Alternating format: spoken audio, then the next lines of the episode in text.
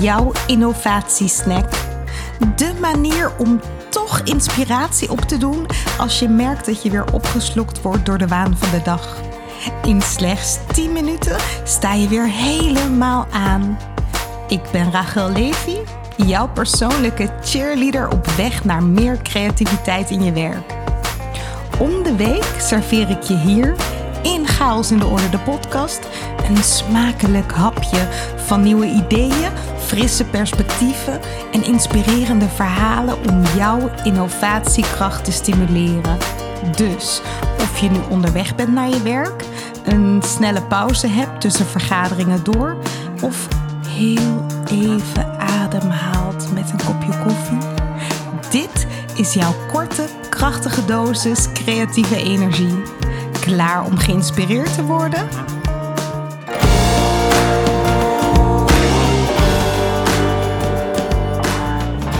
Waarom is cultuurverandering in grote organisaties toch soms zo'n monsterlijke taak? Daar wil ik het de komende 10 minuutjes even over hebben. Dan kun jij er vervolgens op kouwen.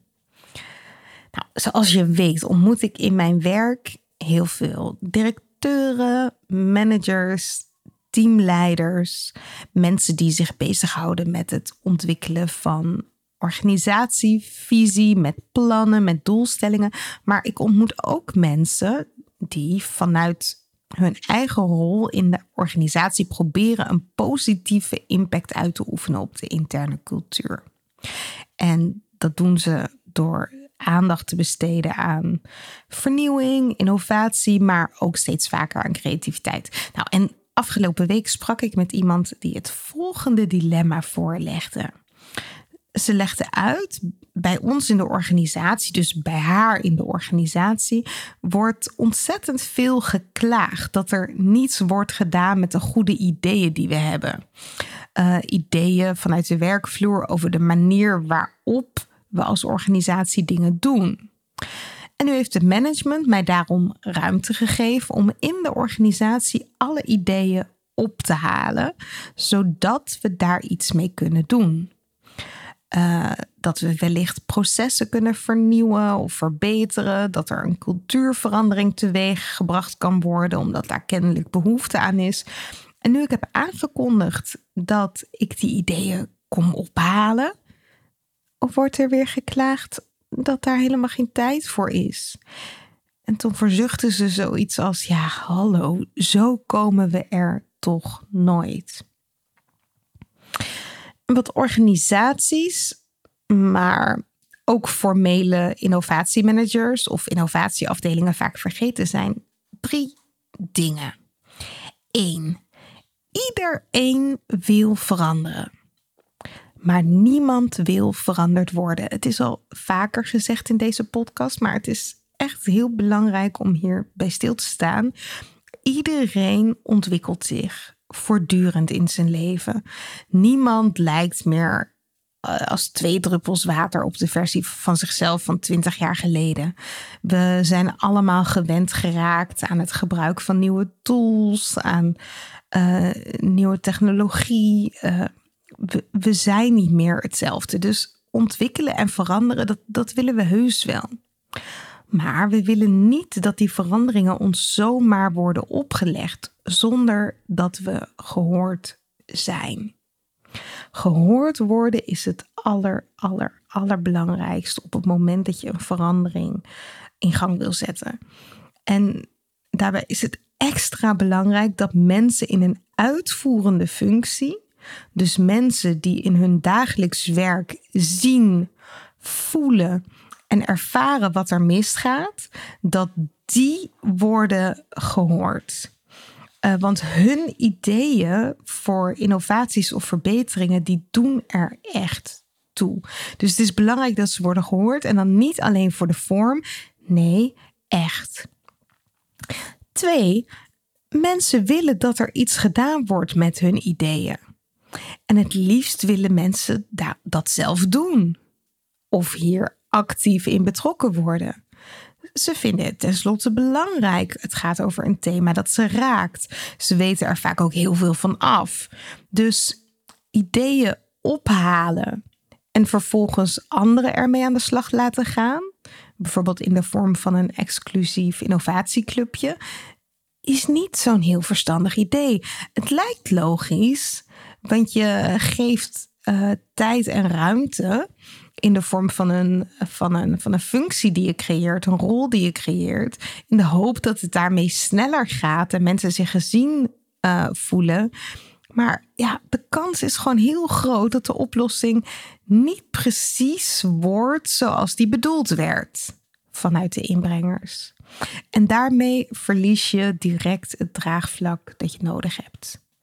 Dus mensen willen heel graag, als ze zelf ideeën inbrengen, ook betrokken worden met hoe die ideeën verder vorm krijgen. Nou, en drie, belangrijk om te begrijpen dat in iedere organisatie verschillende realiteiten naast elkaar bestaan. Dus als je op grotere schaal wil vernieuwen of zelfs spreekt van cultuurverandering, moet je realiseren dat elke organisatie in feite een verzameling is van microculturen met concurrerende waarden. Daarmee bedoel ik dat de ene afdeling van nature meer gericht is op innoveren en de andere afdeling meer bezig is met het beheersen, bijvoorbeeld van interne processen, van veiligheidsmaatregelen. En zo kan de ene afdeling zich best wel wat risico's permitteren, terwijl de andere afdeling te maken heeft met bijvoorbeeld strenge veiligheidsmaatregelen. Um, de ene afdeling moet betrouwbaar zijn voor klanten, betrouwbaar en voorspelbaar en houdt dus vast aan de procedures die zijn afgesproken. De andere afdeling heeft meer speelruimte om dingen uit te proberen, dus over een andere boeg te gooien. En je kunt je voorstellen dat die context, dat die realiteit, de waarde van zo'n team, de werkwijze, de visie, uh, heel sterk bepalen. Dus als je als organisatie of binnen de organisatie een brede cultuurverandering wil, ja, dan gaat dat eigenlijk niet met één centraal plan van een heel duur adviesbureau. Nee, die verandering is misschien heel goed te verenigen met de waarden en werkwijze van de ene afdeling, terwijl het haak staat op de ervaringen en de realiteit van een andere afdeling. Nou, Harvard Business Review deed onderzoek naar die kwestie. En dat onderzoek identificeerde de problemen die ontstaan wanneer organisaties intern te maken hebben met concurrerende waarden binnen de cultuur. En het probleem is dat die, die concurrerende waarden vaak leiden tot interne conflicten, maar ook verwarring, want medewerkers worden als het ware geconfronteerd met tegenstrijdige verwachtingen, tegenstrijdige doelstellingen. Zo van, huh, de organisatie wil verandering X, maar mij wordt nog steeds dagelijks gevraagd om Y te doen. Hoe, hoe zit dat? Of ja, ze van het bestuur willen dit, maar in onze praktijk is dat helemaal niet logisch.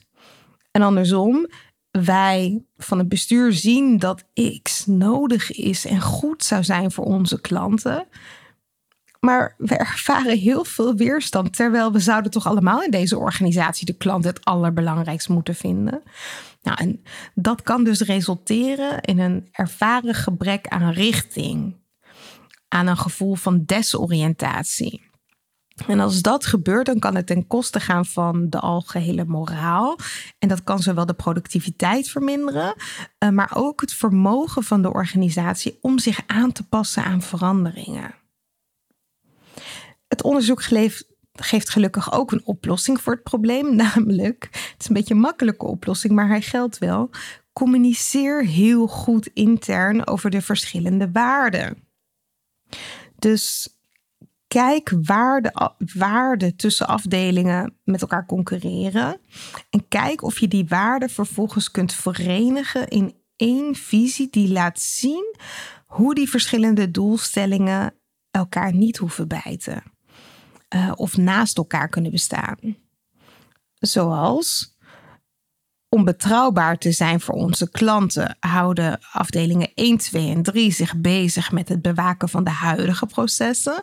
En intussen houden afdelingen 4, 5 en 6 zich bezig met het testen van nieuwe mogelijkheden, omdat we uiteindelijk allemaal willen dat. Nou ja, je begrijpt het. Zo laat je zien dat die realiteiten prima naast elkaar kunnen bestaan vanuit één en dezelfde visie. Nou, dit is de snack om op te kouwen.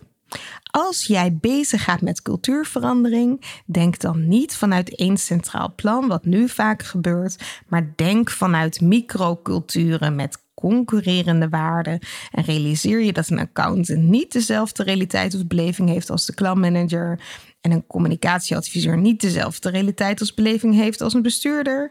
Probeer aan te sluiten bij de microculturen daar de belangrijkste waarden te herkennen en die te verbinden aan de overkoepelende visie en de overkoepelende innovatiedoelen van de organisatie.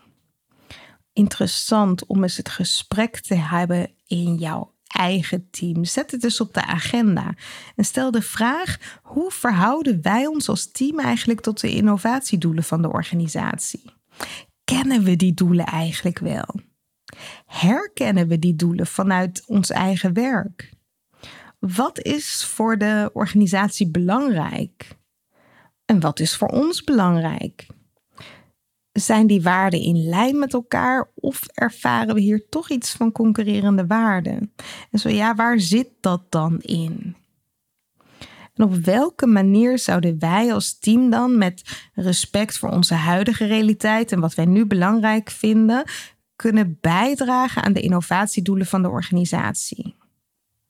Zulke gesprekken maken in elk geval inzichtelijk wat er nog nodig is om, ondanks concurrerende waarden, toch mee te bewegen met de gewenste ontwikkelingen. Nou, dit was je innovatiesnack. Hop hop, aan het werk. Creativiteit, innovatie het lijkt omgeven door een mysterieuze mist. Een geheim voor briljante breinen en getalenteerde kunstenaars. En toch, het moet toch voor iedereen toegankelijk zijn? Aflevering voor aflevering graaf ik steeds een stukje dieper. Ben jij enthousiast? Abonneer je dan op deze podcast en laat een review achter in de app waarmee je luistert. Hoe meer reviews we ontvangen, hoe meer mensen deze podcast kunnen vinden. Zo zorgen we samen voor meer chaos in de orde. Wil jij zelf chaos in de orde brengen? Download dan gratis het e-book Chaos. 10 manieren om patronen te doorbreken. Je vindt het op chaosindeorde.nl/slash podcast. Deze podcast wordt je aangeboden door Huis van Verbeelding, het bedrijf voor zakelijke creativiteit. Tot de volgende keer en veel chaos!